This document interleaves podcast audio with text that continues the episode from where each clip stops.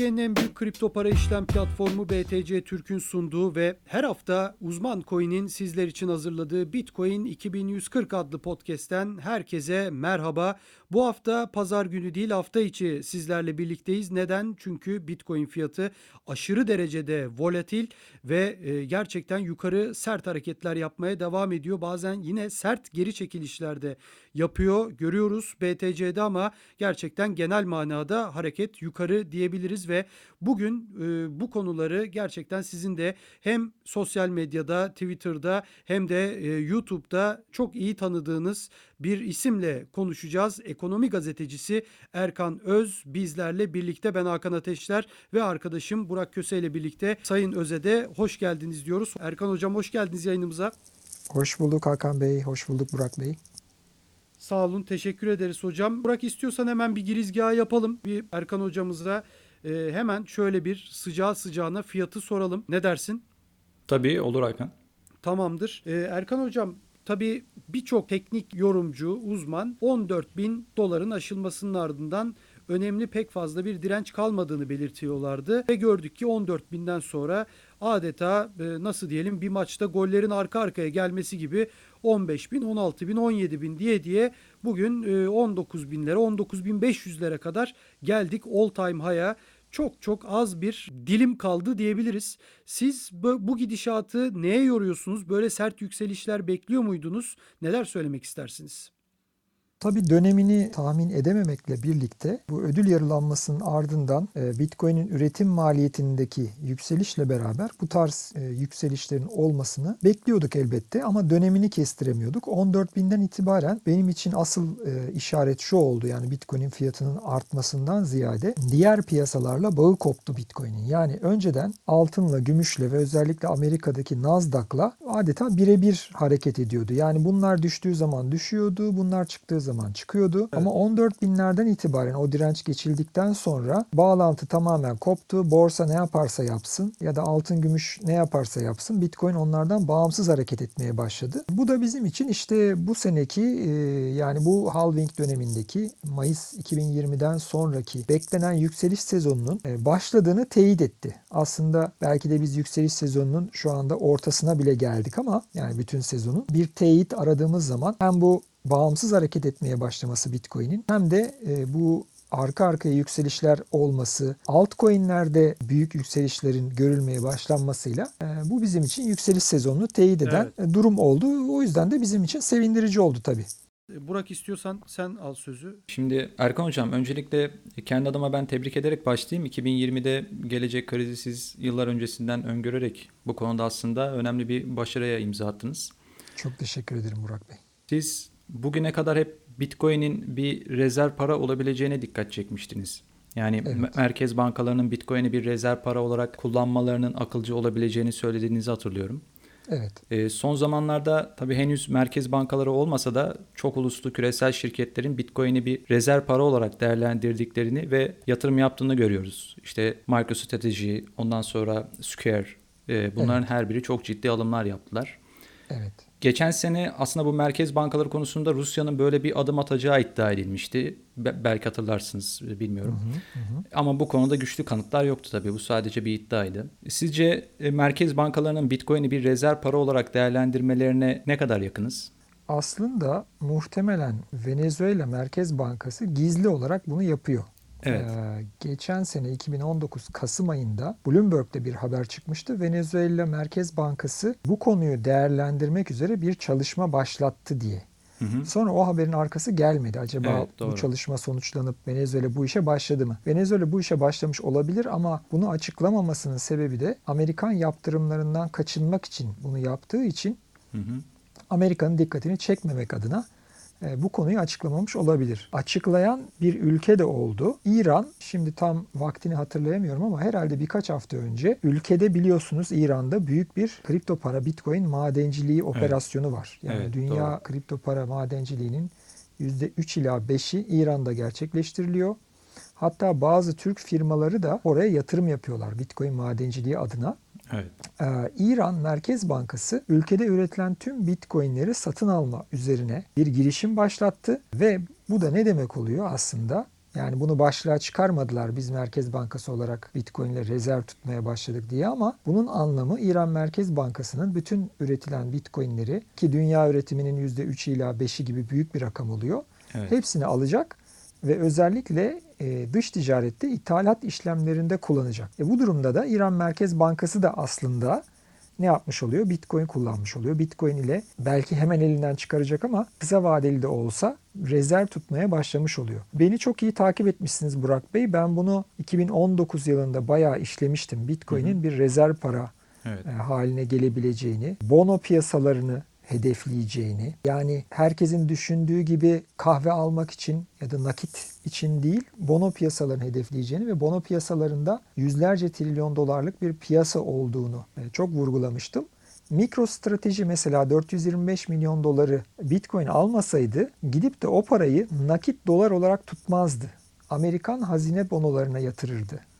Tıpkı Çin'in bugün yaptığı gibi 1 trilyon dolardan fazla Amerikan hazine bonosu var Çin'in. Ne için? Dolar tutmak için. Ee, işte bu açılardan hem merkez bankalarının hem de özel şirketlerin önce yavaş yavaş sonra da hızlanarak Bitcoin'i uzun vadeli bonolar yerine rezerv olarak tutmaya başladığını görüyoruz. Bu da yine Bitcoin adına olumlu bir gelişme tabii ki.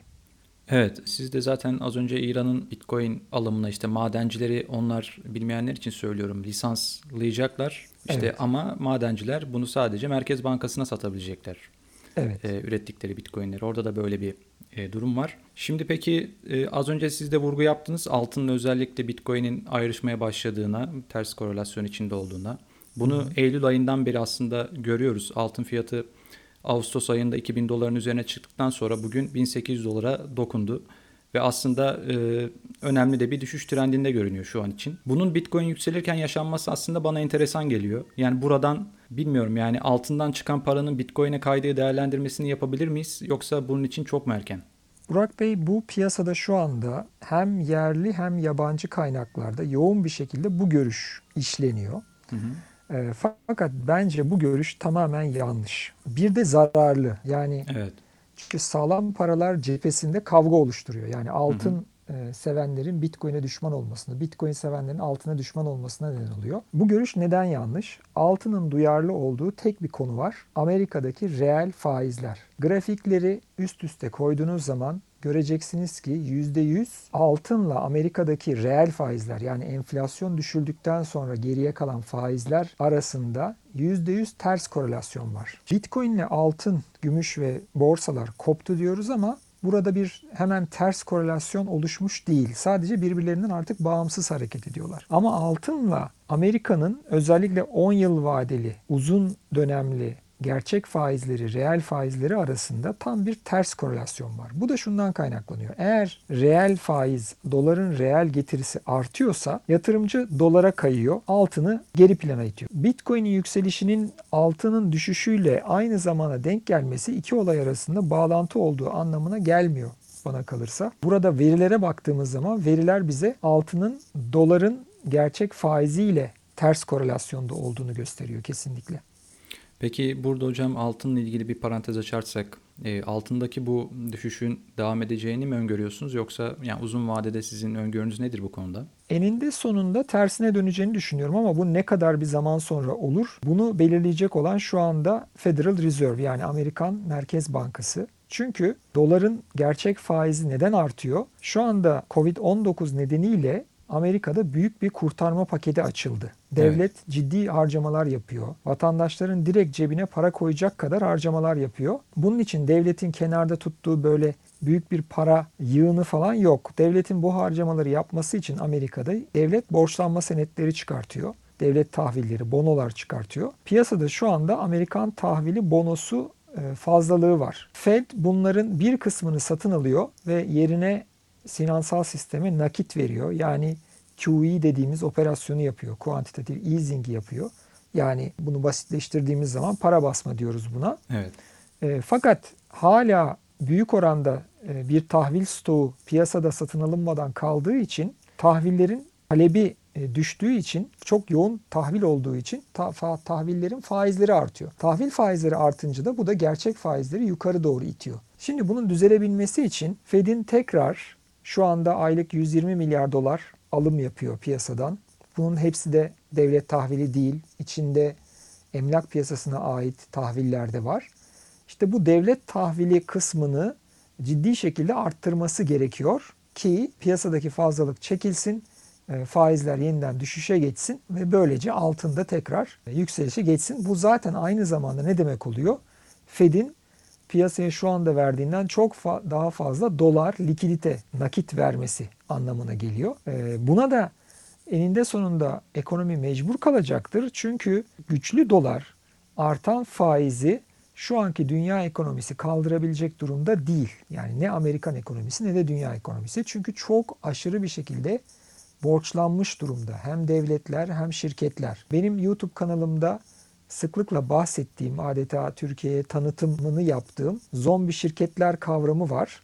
Bu zombi şirket demek elde ettiği gelir son 3 yıldır kendi faiz ödemesini bile karşılamayan şirket demek. Para kazanamayan, sürekli faizin faize çalışan, onu bile karşılamayan şirket demektir. En son yaşanan hadiselerden sonra bu 2020'de başlayan krizin ardından Amerika'daki bu zombi şirket oranı %20'ye çıktı.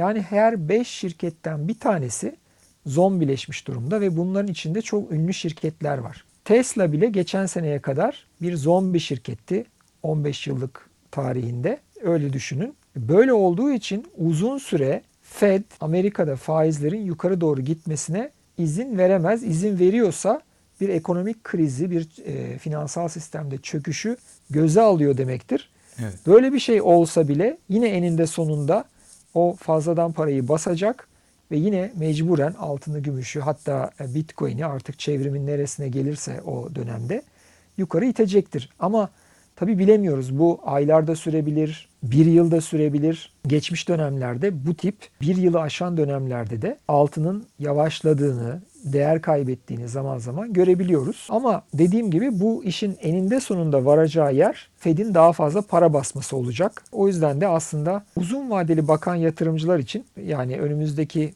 bir yıl içinde falan parasına ihtiyacı olmayan e, ve altında kalmak isteyen yatırımcılar için sonuçta çok ciddi bir problem yok. Çünkü bu finansal ortamın piyasaya sürülen fazladan paraların geri alınarak eskisi gibi normale dönmesi ihtimalini ben sıfır olarak görüyorum. Yani bunu zaten 2018-2019 döneminde denediler.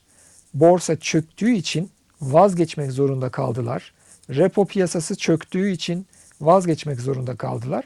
Aynısı olur. Hiçbir zaman bastıkları paraları geri alamayacakları için e, önümüzdeki yıllarda altın, gümüş için e, son derece olumlu olacağını düşünüyorum. Bitcoin için de aynı şekilde olumlu olacağını düşünüyorum. Bu sadece bir zaman meselesidir diye düşünüyorum.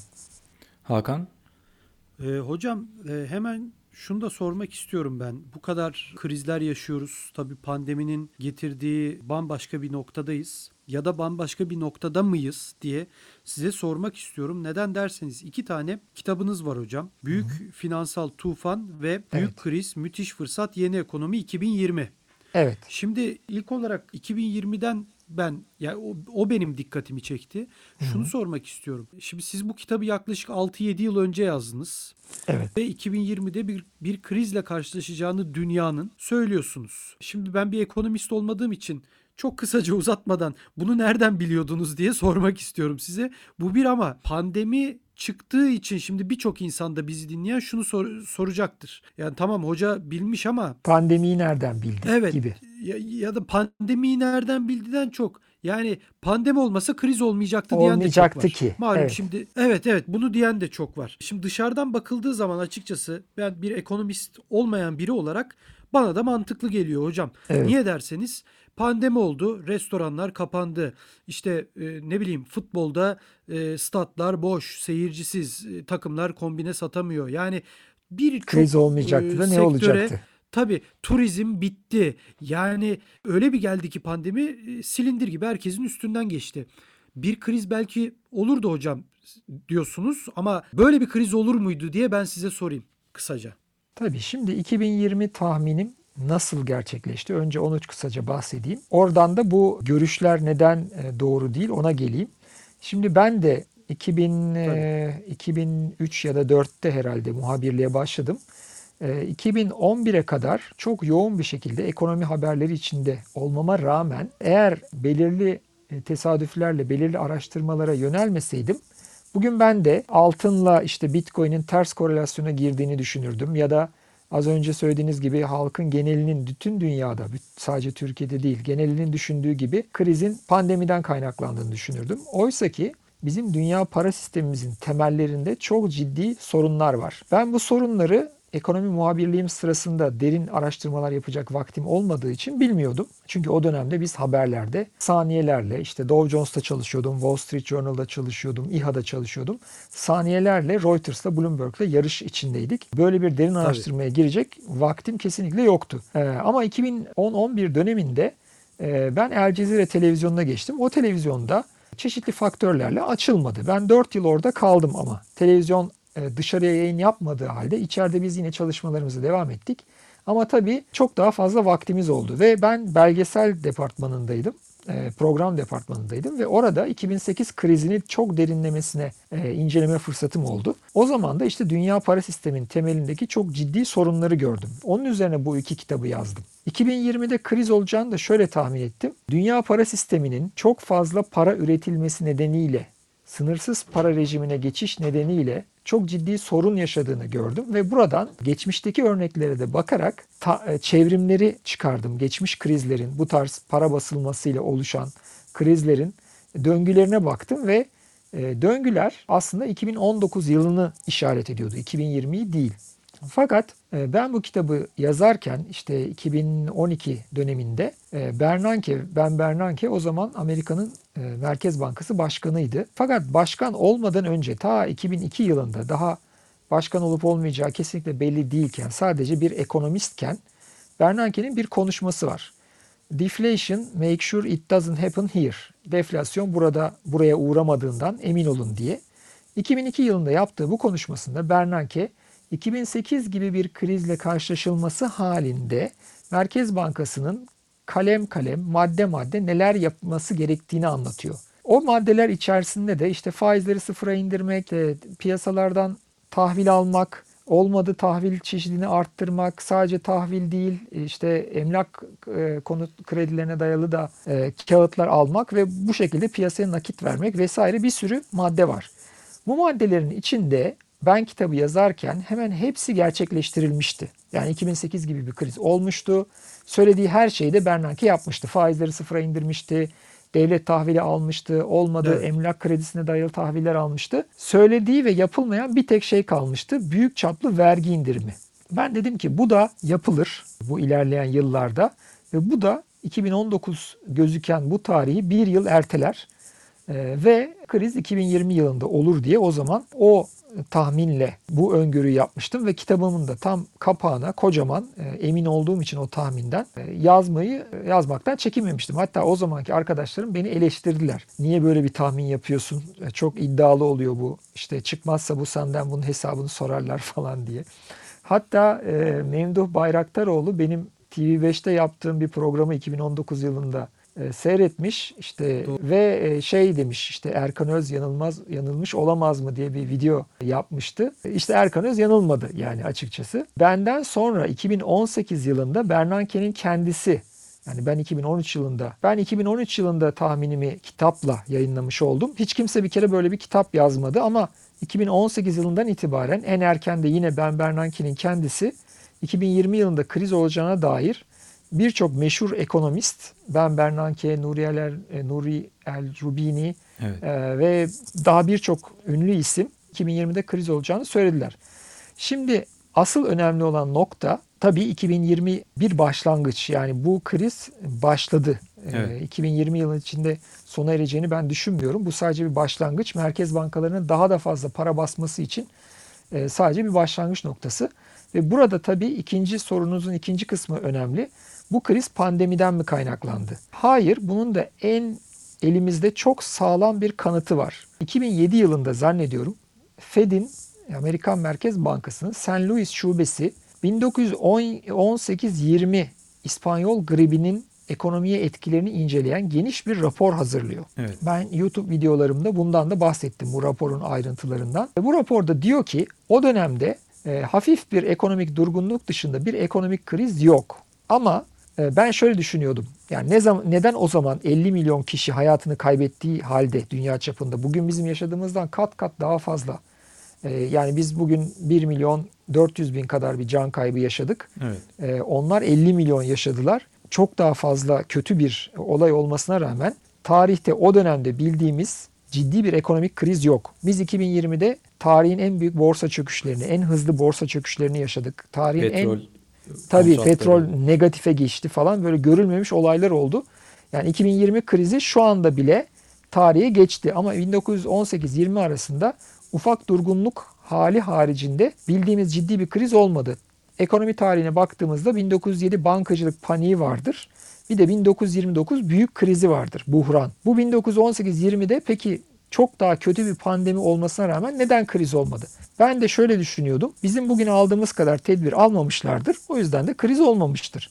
Halbuki o rapor ortaya koyuyor ki bütün bizim bugün aldığımız tedbirleri almışlar. Fotoğraflar var.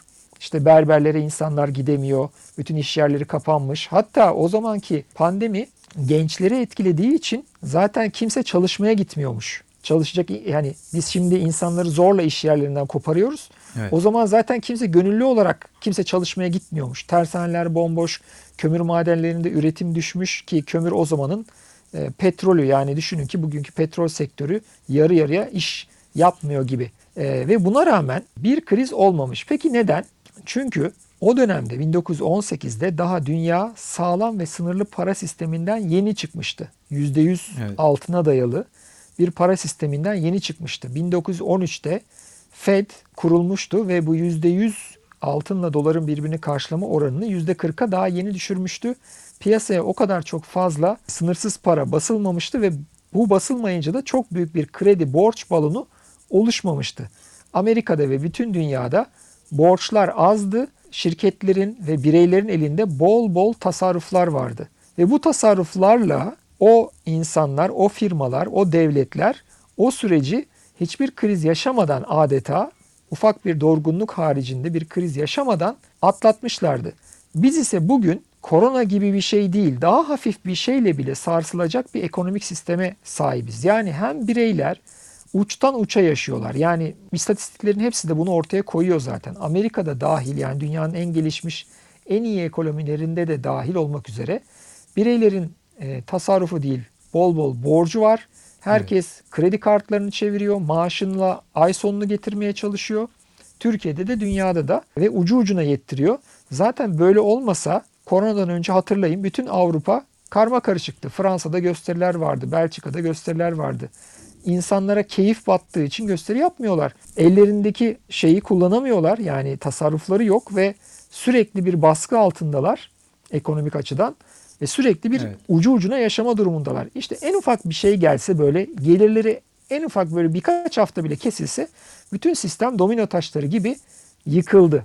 O yüzden işte 2020 krizi de e, zaten bir iğne beklemen balon ve bu iğne de koronavirüsü oldu. Bir başka şey de olabilirdi. Ben kitabımda bir doğal felaket de olabileceğini tetik mekanizmasının belirtmiştim ama pandemi diye özellikle belirtmemiştim. Finans piyasası çok balonlaştığı için aşırı büyük bir kredi balonu özellikle emlak sektöründe ve borsalarda şiştiği için her türlü dış etkene açık. Ve o yüzden de kriz e, meydana geldi. Sadece bir balonun patlamasına sebep oldu koronavirüs diye düşünüyorum ben. Anladım. Ee, şimdi yakın zamanda IMF e, yanılmıyorsam ya- bir açıklama yapmıştı. Yeni bir Bretton Woods'a ihtiyaç var şeklinde. Siz de az önce işte paranın altın karşılığından söz ettiniz. Benim aklıma bazen de şu geliyor. e, Hep bunu aslında aklımın bir köşesinde düşünüyorum. Acaba hani Bitcoin'e dayalı olarak para birimleri piyasaya sürülebilir mi? Böyle bir şey söz konusu olabilir mi? Sizce ne dersiniz bunun için? Bugünkü yapıda çok zor çünkü Bitcoin şimdi mesela 2021 yılını çok yüksek ataklarla geçirecek ve muhtemelen 2022'de de büyük bir çöküş yaşayacak. Evet. Ee, bu istikrarsızlık devam ettiği sürece yani Bitcoin piyasası derinleşmediği sürece böyle bir şey zor. Ama önümüzdeki 10 yıllarda Bitcoin çok istikrar kazanır. Yani daha çok altına benzeyen bir yapıda hareket etmeye başlarsa, piyasası çok derinlik kazanırsa e, o zaman tabii altına dayalı para birimi olabileceği gibi Bitcoin'e dayalı para birimi de olabilir tabii elbette. E, burada IMF'den söz etmişken e, siz de daha önce e, birkaç kere hatta çok çok defa bu konudan bahsetmiştiniz. IMF'in kendi dijital parasını devletlere Evet. dayatacağı şeklinde. Acaba bu açıklama bunun bir öncülü müdür yani? Yeni bir Bretton Woods derken böyle bir şeyden mi söz ediliyor sizce? Tabii zannederim siz şeye atıf yapıyorsunuz Burak Bey. Big Reset diye bir şey çok konuşuluyor bu aralar. İşte e, korona hatta Kanada Başbakanı Trudeau da korona e, fırsattır. İşte bununla bütün dünyaya yeni bir Big Reset e, yapabiliriz. Bir Evet. sistemi baştan başlatabiliriz gibi bir söylem yaptı. Bunun işte arkasında IMF var, Dünya Bankası var, e, Dünya Ekonomik Forumu özellikle bu kavramı kullanıyor. Ve hatta Biden'ın kampanyasına baktığınız zaman da hep bu motifler var. İşte Big Reset. Big Reset demiyor da Build Back Better diyor Biden. Bu da Big Resetçilerin kullandığı bir kavram. Burada demek istedikleri şey şu. Dolar işte bu aşırı basıldığı için Merkez Bankası bilançoları doluyor şu anda. Çünkü basabilmek için bilançoya tahvil almaları gerekiyor sürekli olarak. Bilançosu temiz kalan dünyada tek bir Merkez Bankası var. IMF. İngiltere'nin bilançosu da doluyor. Amerika'nın da, Avrupa Merkez Bankası'nda, Japonya ile İsviçre zaten onlar tamamen dolmuş durumda. %100'ü aşmış durumdalar. IMF bir gün diyecek ki bu merkez bankalarına arkadaşlar sizin bilançolar doldu, benim bilanço temiz. Gelin beni görevlendirin. Ben SDR'yi bir kripto Evet. para haline getireyim. Yani kendi para birimimi. E, Bu şekilde bir e, dayatma isteyecek fakat ben ben ulus devletlerin bunu kolay kolay kabul edeceklerini zannetmiyorum. Burada bir mücadele olacaktır. Yani Çin ayrı bir plan içinde burada, Amerika ayrı bir plan içinde. Amerika'nın iki kanadının farklı farklı planları olabilir. Yani Trumpçı kanatla seçimde yenilmiş olsalar da ya da şu anda yenilmiş gibi gözükseler de e, o mücadelenin de bittiğine ben inanmıyorum Amerika'da. O devam edecektir içten içe. Yani herkesin farklı planları var. Uluslararası büyük sermaye diyebileceğimiz daha çok Avrupa kökenli bir ser- sermaye kesimi var. Lenin, Demir İliç Lenin, Sovyetler Birliği'nin kurucu Evet. lideri işte uluslararası finans kapital falan diye o dönemde onlardan öyle bahseder. İşte bunların e, istediği şey dünyada bir e, kripto ama sınırsız e, bir dijital para olsun. Bütün dünya dijital kimliklerle bu paraya bağlansın ve biz de herkesi kontrol edelim ve işte sınırsız parayla yine dünyayı çevirelim e, isteğidir bu ama benim gördüğüm kadarıyla tarihte sınırlı paralar ve sınırsız paralar arasında bir döngü var ve biz sınırsız paraların şu anda zirvesini yaşıyoruz ve buradan sınırlı paralara dönülecektir diye düşünüyorum ve IMF'nin planları çok gündemde olsa da nihayetinde başarıya ulaşamayacaktır diye tahmin ediyorum. E, hocam ben de onu sormak istiyordum aslında. E, Avrupa Birliği'nin birlik için bir dijital para çalışması var. Fransa'nın kendi ülkesi için var. Litvanya'nın bile var. Çok ciddi çalışmalar var. Dijital dolar Evet. çalışmalarını biliyoruz. Bütün bunlara baktığımızda hocam yani şimdi işte siz de söylediniz sınırlı para, arz diyoruz, değerli kalması diyoruz, paranın değerini yitirmemesi diyoruz. E şimdi kağıt para sınırsız olduktan sonra bu dijitale dönmüş bir şey fark edildiğini da kolaylaştırdı insanların. Peki ama e, yine Çin devleti veya Amerikan devleti e, dolar dijital Türk lirasını daha fazla basabildiği sürece, üretebildiği sürece bunun bir anlamı kalıyor mu ki hocam? Evet, ben hep yani bu yok. Zaten- haberleri okurken hep aklıma gelen şey bu. Evet, çok haklısınız tabii Hakan Bey. Zaten bunun birebir e, yaşanmış örneği de karşımızda. Venezuela kendi para birimi çöktüğü için, hiperenflasyona sürüklendiği için önce biliyorsunuz kripto paraları yasaklamaya kalktı. İran da aynısını yapmıştı aslında. Kripto paraları yasaklamaya kalktılar, Bitcoin'i yasaklamaya kalktılar. Teknik olarak imkansız olduğunu gördüler. Sonra Bitcoin'in aslında çok faydalı olduğunu kendileri için keşfettiler. İkisi de Bitcoin'i kullanmaya başladı. Fakat Venezuela burada bir yanlış yaptı ve kendi kripto parasını çıkardı. Petro. Yani Bolivar yerine Petro'yu bir e, ulusal kripto para olarak dünyaya pazarlamaya kalktı. Evet. Yani hiçbir sınırı olmadığı için, tamamen muğlak bir para birimi olduğu için, Bitcoin hiçbir özelliğini taşımadığı için tabii ki çöp oldu. Yani bugün e, Amerikan devleti de bir dijital dolar ki dijital demeleri de aslında orada yanıltıcı, kripto dolar demeleri gerekiyor ona. Evet. Çıkarsa bile Amerikan doları neyse o da değer olarak aynısını görecektir piyasalarda. E, ondan da sınırsız bir şekilde bastığınız sürece o da bir anlam ifade etmeyecektir. Benim orada gördüğüm dijital para yapmak isteyenlerin aslında amacı şu. Özellikle IMF'nin dijital SDR yapmasının arkasındaki amaç şu. Buna Amerika müdahale edemesin. Yani sınırsız bir para. E, Bunu Swift üzerinde de yapabilir e, IMF. Klasik şu anda devam eden e, dijital sistem üzerinde de gayet rahat bunu yapabilir. Dijital bir SDR oluşturabilir. Zaten SDR dijital hayali bir para yani hiçbir basılı bir SDR diye bir şey yok ortada. Sanal bir para. E, bunu neden kriptoda yapıyor? Çünkü kripto blok zincire Amerika dışarıdan müdahale edemez. Yani bir dijital SDR olduğu zaman ya da bir dijital yuan olduğu zaman bunların direkt rakibi Amerikan dolarıdır. Ve Amerika bugün İran'a, Rusya'ya ya da Venezuela'ya yaptığı gibi bunları kendi sisteminden atmaya kalkabilir. Yani bunları işleme kapatmaya kalkabilir kendine tehdit olarak gördüğü için. İşte bu tehdide takılmamak için blok zinciri blockchain'i aslında IMF ve Çin kullanıyorlar ya da, ya da kullanma planı yapıyorlar diyebiliriz diye düşünüyorum ben. Özellikle en çok yani başka nedenler de mutlaka vardır. Yani direkt tüketicilere ulaşmak vesaire gibi söylenen nedenler de mutlaka vardır ama e, ya da şu anda bankacılık hesabı hiç olmayan yüz milyonlarca hatta belki milyarın üzerinde insan var evet. dünyada ama hepsinin cep telefonları var. E, bunlara ulaşmak olarak da formülize edebilirler ama bir yandan bu stratejik, bu jeostratejik faktör de kesinlikle var. Yani Amerika'nın bu paralara müdahale edemeyeceği bir ortam oluşturma konusu da mutlaka var. Evet bugün dünyanın zaten birçok ülkesi şu anda merkez bankaları dijital para çalışmaları üzerinde araştırmalar yapıyorlar. Hatta Çin zaten bunlarda sona geldi ki son zamanlarda birçok şehirde dağıtımına başladılar. Denemelerini yapıyorlar şu anda. Diğer yandan e, Avrupa Birliği'nin böyle bir çalışması var. İşte Fransa Merkez Bankası yapıyor bu çalışmayı. Yanılmıyorsam Stellar üzerinden yapacaklardı galiba. E, şu an hatırladığım kadarıyla. Ya yok pardon Tezos olması lazım. Evet. Tezos'ta deneme yapacaklardı. E, Fransa Hı-hı. Merkez Bankası. Şimdi Çin bunu yapıyor. Bayağı ilerleme kat etti. Dünyanın diğer ülkeleri yapıyor. Peki siz ama Amerika'dan şu ana kadar herhangi bir şey görmedik bu konuda. Gerçekten somut bir adım, somut bir çalışma e, görmedik. Amerika'dan da çok ses yükseliyor bu konuda. Ripple CEO'su sürekli işte bu yarışta Ripple kurucusu CEO'su bu yarışta Amerika geri kalıyor. Çin çok önüne geçti Amerika'nın gibi yakınmalarda bulunuyor. Ee, siz nasıl görüyorsunuz? Yani Amerika gerçekten bu yarışta geride mi kaldı? Çin önde mi götürüyor? Ee, sizce nasıl sonuçlanacaktır bu? İşte Amerika bu az önce söylediğim sebepten dolayı ikilem yaşıyor. Bu arada hemen söyleyeyim unutmadan Türkiye'nin de bu alanda çalışmaları evet, var. Yani evet, Merkez Bankası tabii. hem dijital Hı-hı. para çalışıyor hem de Takas Bank'ın e, dünyada bir ilk şeklinde e, resmi evet. borsaya dayalı altın ve gümüş para çıkartabileceğiniz bir blockchain platformu var. Hatta onlar ciddi bir ekipte kuruyorlar. Ee, en son 10 uzman yardımcısı aldılar sadece dijital para üzerine çalışmak için.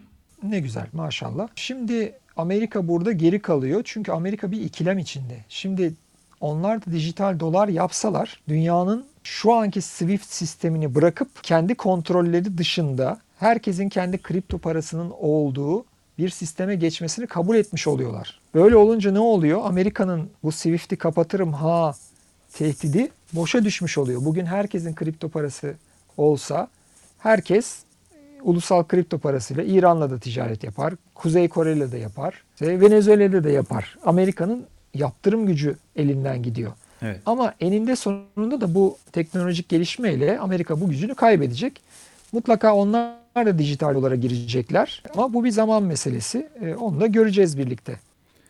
Peki Hakan'a ben sözü vermeden şunu da sormak istiyorum. Bu, bu senaryoyu dillendirenler Tabii. de var. Ee, örneğin mesela Şant Manukyan biraz bu konuda endişeli görüyorum açıkçası yaptığı e, yorumlardan. Devletlerin bu Merkez Bankası dijital para çalışmalarını hızlandırmasının sonucunda rakip istemeyecekleri, mesela Bitcoin gibi bir rakip istemeyeceklerini, istemeyebileceklerini söylüyorlar. Sizce bu Merkez Bankası dijital yani ülkeler gerçekten rakip istemeyecekler mi? Yani bunları piyasaya sürdükten sonra, bunları kullanıma sürdükten sonra bu Bitcoin üzerinde bir tehdit oluşturabilir mi?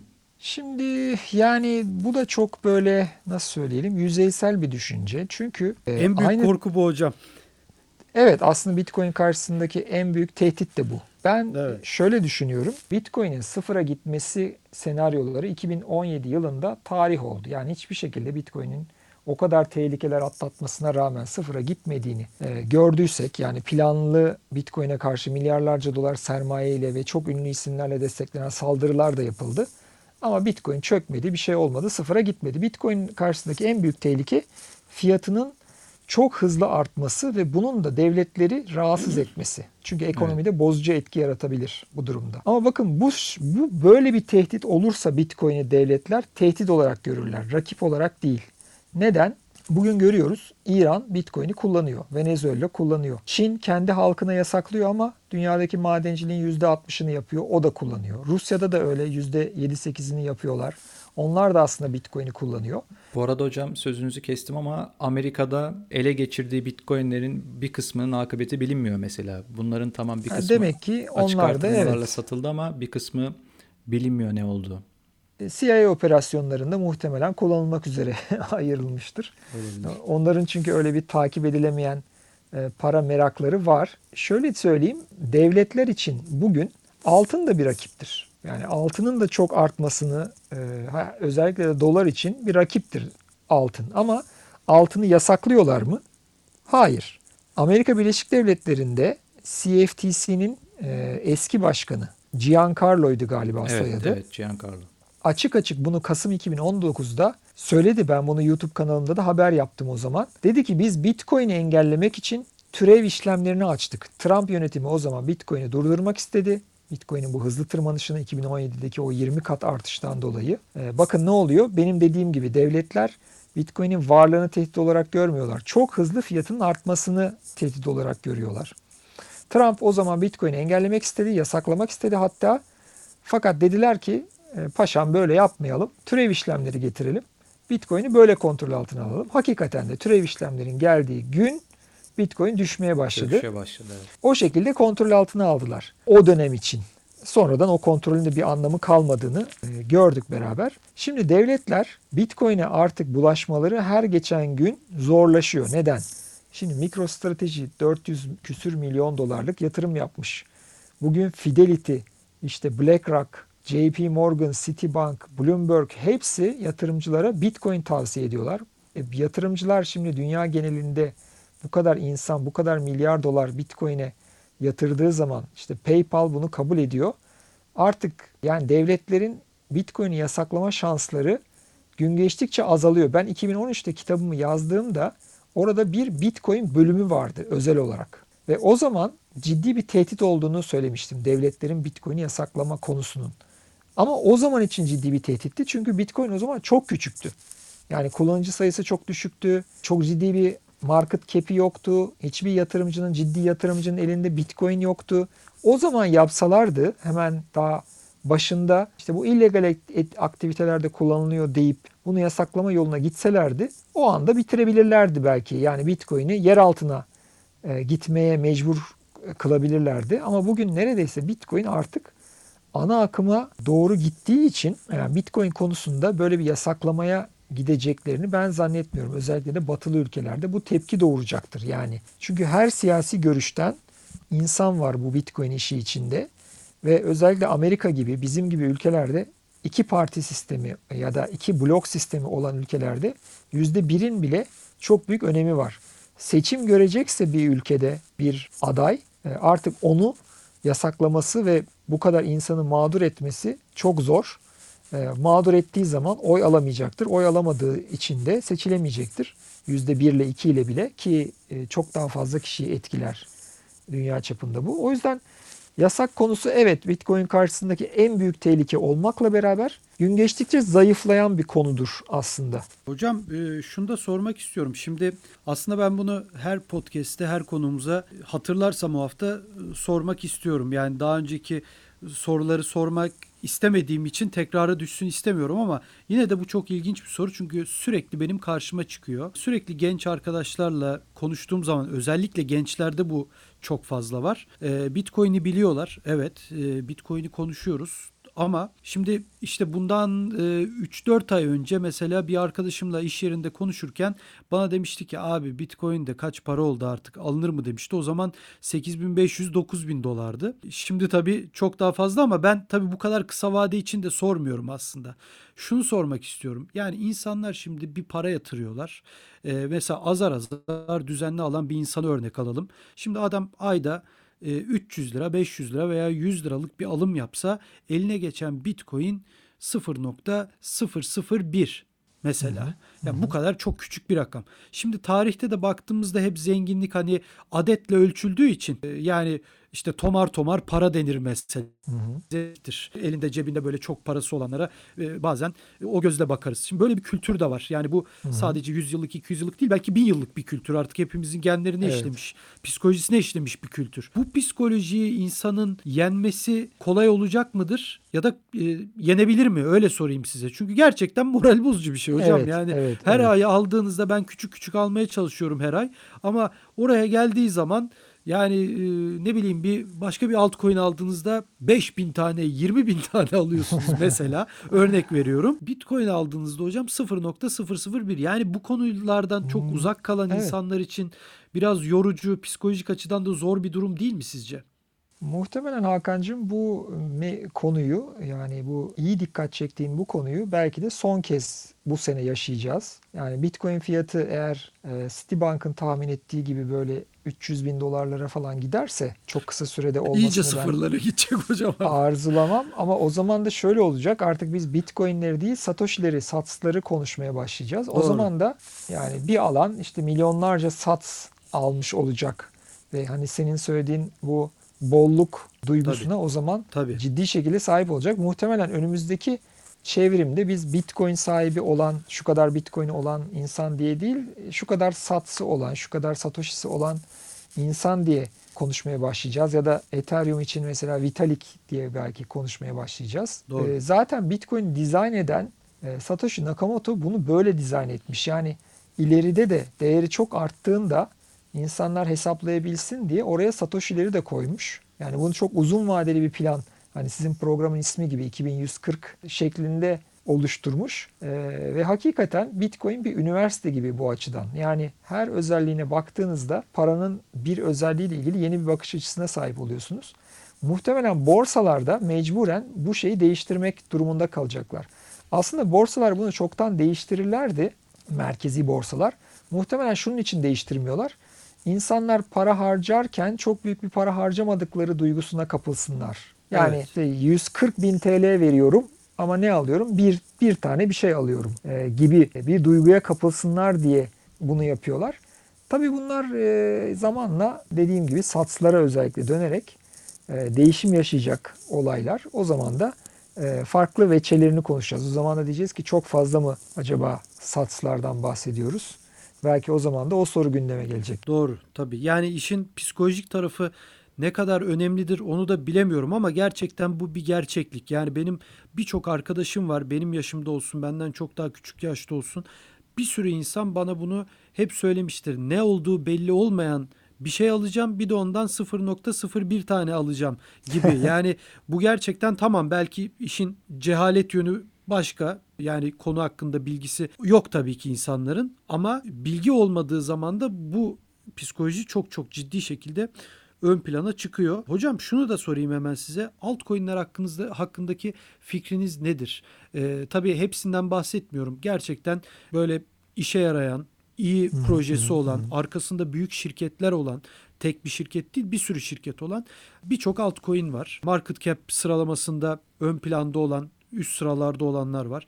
Bunlarla ilgili bakış açınız nedir? Bunu niye soruyorum?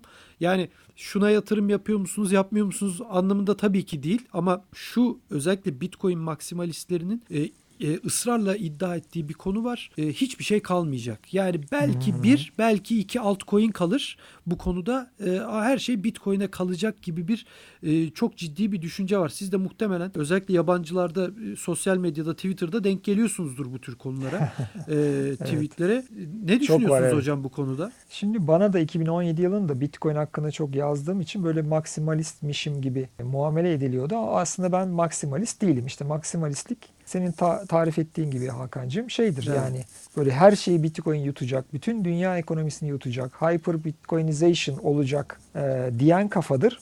E, buraya ben uzağım. Benim portföyümde birçok altcoin var. Projesini beğendiğim, zamanında aldığım, hala tuttuğum bir sürü altcoin var. Hala daha da bakıyorum yani proje e, olarak hangileri yatırım yapılabilir diye. Tabii binlerce altcoin içerisinde çok büyük oranda altcoin'lerin çoğu çöp. Hatta çok meşhur olanları da bence sıkıntılı olanlar var. Yani işte sahipleri çeşitli böyle dolandırıcılık işlerine karışmış olanlar var yani öyle söyleyeyim. Evet. Ama gelecek açısından bu ekosistemin sadece Bitcoin ile yürümesi mümkün değil. Yani burada bir kere Bitcoin'in yavaşlığı sorunu var.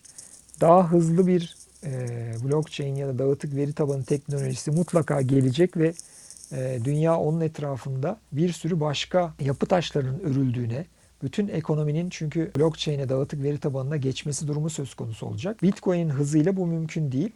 Daha hızlı bir dağıtık veri tabanı teknolojisi gelecek. Yani blockchain değil başka bir teknoloji gelecek. E, bu konuda da ne kadar mutlu bize ki yani Türkler olarak bir Türk hocanın Amerika'da çalışması var. Çok başarılı bir çalışma. Yani Avalanche çalışması Evet. ben başındaki kişi Türk olmasaydı da çok heyecanla takip ederdim. O alanda yani bu blockchain'i daha hızlandıralım alanında yapılmış bence en Emin Hoca değil mi? Evet Emin Gürsirer'in projesi. Emin Gürsirer'in liderliğindeki uluslararası ekibin projesi diyelim. E, Tek başına yapmıyor tabii. Cornell Üniversitesi'ndeki büyük bir ekip yapıyor. Bunların geliştirdiği projenin işte rakipleri var. Tangle, Hashgraph, işte, e, nedir? E, sharding konusu belki rakip olarak gözükebilir. Blockchain'in kendisi var. Ve bir de Avalanche teknolojisi var ve Avalanche bunların arasında hem merkeziyetsizliğe en yakın proje yani diğer projeler hız sağlıyorlar. Mesela işte Ripple'ın CEO'su çok konuşuyor. İşte çok hızlı bir blockchain'leri var ama e, onlar merkezi bir blockchain. Ama Avalanche projesi hem mer- merkeziyetsiz Bitcoin gibi hem de hız problemini aşıyor hem de proof of work'e dayanmadığı için, proof of stake'e dayandığı için e, bir de enerji maliyetinden tasarruf sağlıyor. Böyle çok özelliği var. O açıdan da mutlaka yani bugün Avalanche iyi bir teknoloji olduğu halde başarılı olmaya da bilir. Biz canı gönülden başarılı olmasını isteriz. Tabii. E, Bu her zaman iyi bir teknoloji meselesi olmuyor. Yani işte Tesla, Edison mücadelesi artık bugün e, filmlere, kitaplara konu olmuş bir mücadele. Aslında Tesla'nın teknolojisi daha iyi ama Edison galip gelebiliyor. Hayat böyle bir şey. E, umarız yani daha iyi teknolojiler galip, galip gelir ama mutlaka Bitcoin etrafında bir ekosistem oluşacak. Bütün dijital dünya dağıtık veri tabanına geçecek ve burada mutlaka e, başka sistemler, başka teknolojiler ve onlara ait başka e, projeler ve onların hepsinin de binlerce coin'i olacak mutlaka. Ve bunları da göreceğiz. Yani bugün altının var olması dünya çapında nasıl 200 farklı para biriminin olmasına bir engel teşkil etmiyorsa hatta altının %100 karşılık olarak kullanıldığı yani 1871-1914 arasındaki o e, tamamen sağlam, tamamen sınırlı e, küresel para düzeni ki ona klasik altın standardı denir. Yani o zaman bile altın varken farklı yüzlerce ulusal para birimi vardı. Hepsi altına bağlıydı ama farklı para birimi olarak işlem görüyorlardı. Ve Bitcoin'in varlığıyla altcoin'lerin varlığıyla bu şekilde e, bir harmoni içinde çalışabilir. Yani bunlar ille birbirlerine düşman olmak durumunda değiller. Ben bu tip kavgaları anlamsız görüyorum. Yani altınla gümüş arasında bir kavga olmuyorsa altınla bitcoin arasında ya da bitcoin ile altcoin'ler arasında da bir kavga olmamalı diye düşünüyorum. Proje geliştirme açısından bir yarış olabilir bence.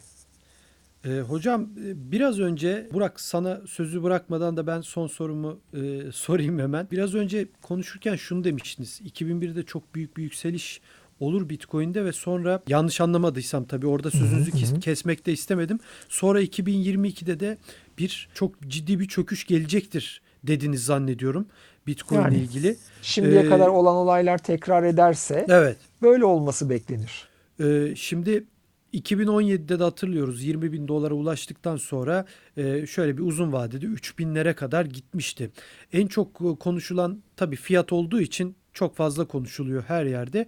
Ama Bitcoin'in işte fiyatı bundan sonra atıyorum 10 bin doların ya atmıyorum öyle söylüyorlar 10 bin doların altına düşmez diye çok ciddi yorumlar yapılıyor. Sizce o e, en düşük fiyat all time low dediğimiz fiyat yani son zamanların all time low'u e, nun kademesi artmış mıdır? Yani o zaman 3000'i artık bu zamanın 10.000'i olmuş mudur? Yoksa yine e, o 2020'de öngördüğünüz veya düşündüğünüz kriz yine 3000'lere 4000'lere düşürür mü? Çok fiyat odaklı bir soru oldu ama. Evet e, ama cevabı basit bu sorunun. Böyle ki Bitcoin tarihinde Bitcoin fiyatını yukarı doğru iten etken Bitcoin madencilerinin maliyeti. Yani dünyada birçok insan hala Bitcoin'in havadan üretildiğini falan zannediyor. İşte birilerinin bir bilgisayar zırtapozlarının bir icadı ve hiçbir maliyet olmadan üretildiğini zannediyor. Oysa hiçbir maliyet olmadan üretilen şey e, bizim bugün kullandığımız fiyat paralar. Başta da dolar. Yani hiçbir maliyet Evet. olmadan istenildiği gibi basılıyor. Oysa Bitcoin'in bir üretim maliyeti var. Bu all time low'lar da bu üretim maliyetinin en alt seviyesini görebiliyor. Yani bu üretim maliyetinin parçaları var. Elektrik maliyeti, işçilik maliyeti, işte mekan maliyeti, e, ekipman maliyeti. E, burada en büyük payı enerji maliyeti, elektrik maliyeti tutuyor. Ve Bitcoin'in elektrik maliyeti her geçen dönemde e, artış gösteriyor. Yuk- yukarı doğru gidiyor sürekli. Talep arttıkça Bitcoin'in zorluğu yükseliyor çünkü. Bu talep düşmediği ve elektrik maliyeti düşmediği sürece Bitcoin'in bir önceki all time low'uyla bir sonraki all time low'u arasında her zaman bir sonrakinin yukarıda olduğu bir pozisyon gerçekleşecek demektir. Şu ana kadar da böyle oldu. Yani Bitcoin yayılmaya devam ettiği sürece, e, Anladım. yayılmasında bir sıkıntı olmadığı sürece bu all time low'lar da düşüş yaşamayacaktır ve sürekli her dipte biraz daha üstte kalacak diyebiliriz. Ben son olarak şunu sormak istiyorum. Şimdi bu aralarda tabii piyasaya birçok yeni insan geliyor. Biz de bunu kendi rakamlarımızda görüyoruz zaten. Ee, tabii 2017 Aralık dönemindeki gibi değil. Hala oradan çok uzak. Yani fiyat 20 bin doların kıyısında olmasına rağmen oradaki hype henüz yarısında bile değiliz. Çeyreği bile yok şu anda. Ee, ama yine piyasaya insanlar gelmeye devam ediyor. Bitcoin'i ilk kez duymuş. Tabii bunların büyük bir çoğunluğu Bitcoin'i ilk ilk kez duydular. Ee, yeni haberdar oluyorlar. Ee, şimdi şöyle de sorular geliyor. Bu e, bize de soruldu daha önce. Ama ben sizin de fikrinizi merak ediyorum. Şimdi aslında Bitcoin'in dağılımına baktığımız zaman e, çok da demokratik olduğu söylenemez. Yani bugün e, Bitcoin'e erken dönemde giriş yapmış e, birçok insan var. Bunların işte binlerce Bitcoin'i var. Yani arzın e, önemli bir bölümü de yani e, sayısı bir elin belki parmaklarını geçmeyecek kişilerin elinde olabilir. Yani daha da fazla olabilir. Bundan biraz daha belki.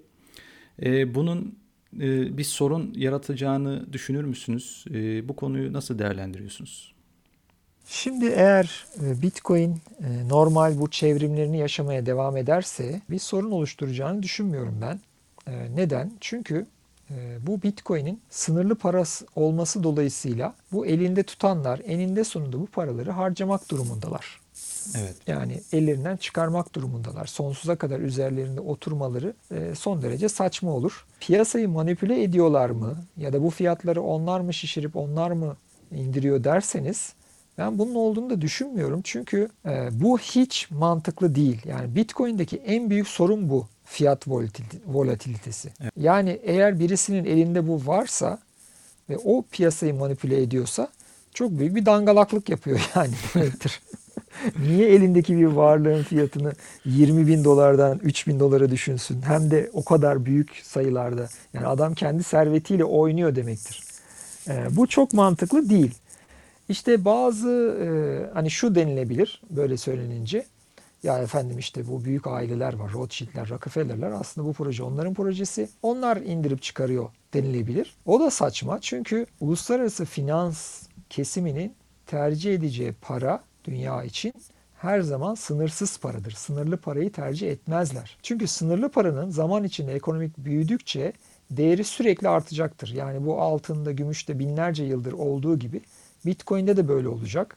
Yani ama hızlı artar ama yavaş artar ama sürekli sınırlı bir paranın değeri sürekli artacaktır. Çalışanına bir kapitalist, bir büyük kapitalist elinde değeri artacak olan bir şey vermek istemez. Aksine bir de maliyeti olan bir şey vermek istemez. Yani Bitcoin üretimin maliyeti var. Yani onlar sınırsız bir para isterler. Yani IMF'nin e, sınırsız basacağı bir kripto para, herkesi de bir e, kripto cüzdana bağlayacakları e, bir para isterler ama sınırlı bir para. Bitcoin'i asla istemezler, tercih etmezler. Çünkü onlara çalışan kişiler Bitcoin aldıkça kendi mevzilerini kuvvetlendiriyorlar demektir. Ellerindeki tasarruf miktarı artıyor demektir. Oysa çalışanın çok fazla tasarruf yapmasını istemez. Çok fazla tasarruf yapmasını istemez o karşıdaki büyük sermaye sahipleri.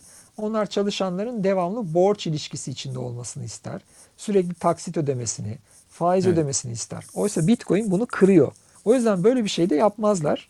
Erkan Bey şimdi son dönemde Bitcoin tamam bir Bitcoin'i konuşuyoruz. E, altcoin'ler var diğer yandan ama tabii son aylarda özellikle DeFi alanı da çok e, popülerlik kazandı. Bu alanda işte e, yeni teknolojiler, yeni projeler ortaya konuldu. Siz genel olarak e, DeFi ile ilgili ne düşünüyorsunuz? DeFi projeleriyle ilgili ne söylemek istersiniz? Ki zaten aynı zamanda bu alanda hem popülerliği arttığı gibi çok sayıda da dolandırıcılık vakası yaşanmış durumda. Şimdi DeFi e, Ethereum ekosisteminde ortaya çıkan yine güzel fikirlerden bir tanesi. E, fakat yine ICO fikri gibi o da çok güzel bir fikirdi. E, hemen fırsatçıların elinde maalesef e, çarçur edilmeye başlandı. Evet. Şöyle yaklaşıyorum ben DeFi'ye. DeFi'de çok inanılmaz getiriler söz konusu. Yani buna faiz diyorlar ama o getirilerin çoğu aslında faizden kaynaklanmıyor. İşte çeşitli mekanizmalarla yatırım yapılan coinlerin değer artışından ya da o değer artışından verilen paylardan kaynaklanıyor. Tam olarak ona faiz demek çok mümkün değil ama DeFi tabii çok önemli bir alan. Yani Bitcoin merkez bankacılığını kripto para alanına, blockchain alanına taşıdıysa DeFi'de bankacılığı ve çeşitli finansal hizmetleri e, buraya taşıyor. Orada da tabii ki önümüzdeki yıllarda mutlaka çok ciddi başarı elde edecek projeler gelişecek. Belki o projelerden bazıları şu anda DeFi ekosistemi içerisinde görünen veya çok da ismini bilmediğimiz projeler de olabilir. E, ama burada da mutlaka elemeler olacaktır. E, benim orada yaklaşımım şu. Ee, ben faizi pek sevmiyorum işin açıkçası. Mesela Bitcoin'de faiz yok. Yani Bitcoin'in evet. üretiminde faiz yok. Ee, ya da Bitcoin'in kendisinde bir faiz yok. Hani Bitcoin'e faiz veren yerler var. Ee, evet. Bu altın gibi. Altının kendisinin üretiminde de faiz yok ama doların üretiminde faiz var. Yani direkt üretirken bir kere bir faiz maliyetiyle üretiyorsunuz doları ve borç karşılığı üretiyorsunuz. Bitcoin'de bunların olmamasını seviyorum çünkü faiz mekanizması toplum içerisinde artı değeri e, yukarıdaki katlara, elit sektörlere ve kişilere iletme mekanizması olarak çalışıyor. E, dini ya da felsefi görüşler vardır orta çağda özellikle yaygın. E, bunlar faizi yasaklar ya da kötü kabul eder. Evet. Modern teorisyenler de bunun günümüz ekonomisinde mümkün olmadığını söylerler. Çünkü günümüz ekonomisi bu sınırsız ve faize dayalı paralara dayanıyor. O yüzden mümkün değildir. Yani her yerde enflasyon varken faiz olmaması tabii ki düşünülemez bu çerçeve içerisinde. Ama altın sisteminde, gümüş sisteminde yani sınırlı bir para sisteminde faizsiz hareket etmek de mümkün olabilir. Ama merkeziyetsiz finans yani DeFi biri çok maliyeti ortadan kaldırdığı için yani bir banka şubesine ihtiyaç yok, personele ihtiyaç yok, o kadar eğitim süresine vesaire ihtiyaç yok. Sadece kontratı yazacak ve işletecek bir kadroya ihtiyaç var. Evet. E, maliyetler çok düştüğü için hem e, mevduat sahibine hem de kredi çekene daha uygun faiz oranları e, oluşturmaları tabii ki mümkün ve bu sistemlerin biz e, çok hızlı bir şekilde yayıldığını göreceğiz önümüzdeki dönemlerde ve bankacılığı da bunlar ya bir devrime uğratacaklar ya da tamamen zaten ortadan kaldıracaklar böyle giderse. Yani biz Bitcoin'in bankacılığı ortadan kaldıracağını başta düşünüyorduk ama Bitcoin'in tek başına bunu yapması değil işte bu tip ekosisteme eklenen evet. projelerin yapması söz konusu olabilir. Ha, faizi sevmediğim halde DeFi alanında yatırımım yok mu? Doğrudan böyle yüksek çok acayip getiriler veren coinlere, projelere işte o yemek isimleriyle anılan projelere yatırım Sushi. yapmadım ama e, başka yan yani DeFi ekosisteminin etrafında oluşan coinleri düşünebilirim olabilir. E, hatta NFT alanında bile evet, evet. yatırım yapılabilir. Kesinlikle. Ee, ama tabii çok ince eleyip sık dokumak şartıyla o alanı iyi öğrenmek gerekiyor. Ee, bunlar da önümüzdeki dönemin konuları olmaya devam edecektir. Yani bunları da kesinlikle şey dışında bırakmıyoruz yani radarımızın dışında bırakıyor değiliz. E, Hakan sana sözü vermeden son olarak şunu söyleyeyim. Tabii. Erkan Hocam şu anda bir kitap hazırlığınız var mı? Yeni bir kitap. E, onu merak ediyorum açıkçası. Yok, kitap hazırlığım yok. Ee, biraz bazı sağlık problemlerimden dolayı. Geçmiş olsun. E, Geçmiş çok teşekkürler. Olsun e, bu yazma konusu benim için yani elle bir şey yazma zaten mümkün değil. Klavyeyi de çok uzun süreler kullanma e, mümkün değil. E, o yüzden kitap çalışması pek yapmayı, yapmayı planlamıyorum. E, aslında çok istek de var bu konuda ama evet. yapmayı planlamıyorum. E, YouTube'da yaptığım videolarla görüşlerimi iletmeyi şu anda daha uygun buluyorum. O açıdan e, şu anda bir kitap projem yok. Bir de Türkiye'de kitap yazmak da problemli bir iş açıkçası. Çünkü Doğru hocam. Yani gelir de kazanamıyorsunuz. Kitap sadece bir prestij işi. Hatta dün geçen gün bir Instagram canlı yayına katıldım. Evet. Orada sunucu hanım sordu işte 2020 krizi hakkında ne düşündüğümü. Ben de orada kitabın adını söyledim. Bir yorumcu arkadaş da yazmış hemen de kitabının reklamını yapıyor diye. Yani yorumcu arkadaşlar zannediyorlar ki bu kitaplardan para falan kazanılıyor. Böyle bir şey yok. Türkiye'de kitaptan parayı yayıncılar bile kazanamıyor. Benim yayıncımın hali de perişan. Ee, büyük Tabii, o mağazalar doğru. kazanıyorlar. Başka bir şey olduğu yok. İşte o kitap satan mağazalar. Ee, bir de kitabın e, bir güzelliği var. Yani ilkokuldan beri ben kitap okumayı işte her hafta bir kitap almayı adeta e, şey haline getirmiştim. Nasıl diyelim? Alışkanlık. Töre, tören işte böyle bir e, şey gibi bir seremoni haline getirmiştim. Öyle o güzel anıları çağrıştıran bir uygulaması var. Tabii ki insana gurur veriyor başkalarının kütüphanelerinde kitabını görmek. Hatta üniversitelerde kaynak olarak alınmasını e, görmek iyi oluyor. E, bir de zirvede bırakmak lazım ya. Şimdi 2020 gibi bir kitabı yazmışım. Bravo hocam. ne zaman masadan kalkacağını bilmek lazım ya. Doğru. Doğru hocam. Ee, ağzınıza sağlık. Ee, çok teşekkür ediyoruz. Biz çok teşekkür ederiz. Çok e, güzel sorular oldu. Yani gönül isterdi ki daha da çünkü konuştukça bir de hocam soruda başka sorular da geliyor aklımıza. Tabii Ama, alan çok derin. Aynen. Tabii. Tabii yani ama tabii ki zaman yok. Ben onu diyecektim. Kitap okumaya bile artık zor zaman buluyoruz hocam. Yani YouTube'da işte genelde sizin yaptığınız videolarla, başka uzman arkadaşların yaptığı videolarla bazı şeyleri öğren her konuda daha doğrusu YouTube artık yeni bir kütüphane gibi oldu çünkü. Kütüphane gibi oldu. Ee. Çok evet, belgesel yani- de var. Tabii tabii çok çok güzel belgeseller de var. Yani tarih konusunda da bu tür ekonomi konularında da yani e, kitap okumaya gerçekten yeni dönem dijital bir dönem herhalde. E, yeni dönemin kitaplığı da işte dijital dünya, e, video, kurguculuk gibi konular olacak gibi duruyor. Erkan hocam tekrardan çok teşekkür ediyoruz değerlendirmeleriniz Ben çok için. teşekkür ederim Hakan'cığım, Burak'cığım. Sizlere çok teşekkür ediyorum. Çok güzel bir yayın oldu. Sağ olun hocam. İzleyicilerimize de Sağ vakit ayırdıkları için, bizi dinledikleri için çok teşekkür ediyorum.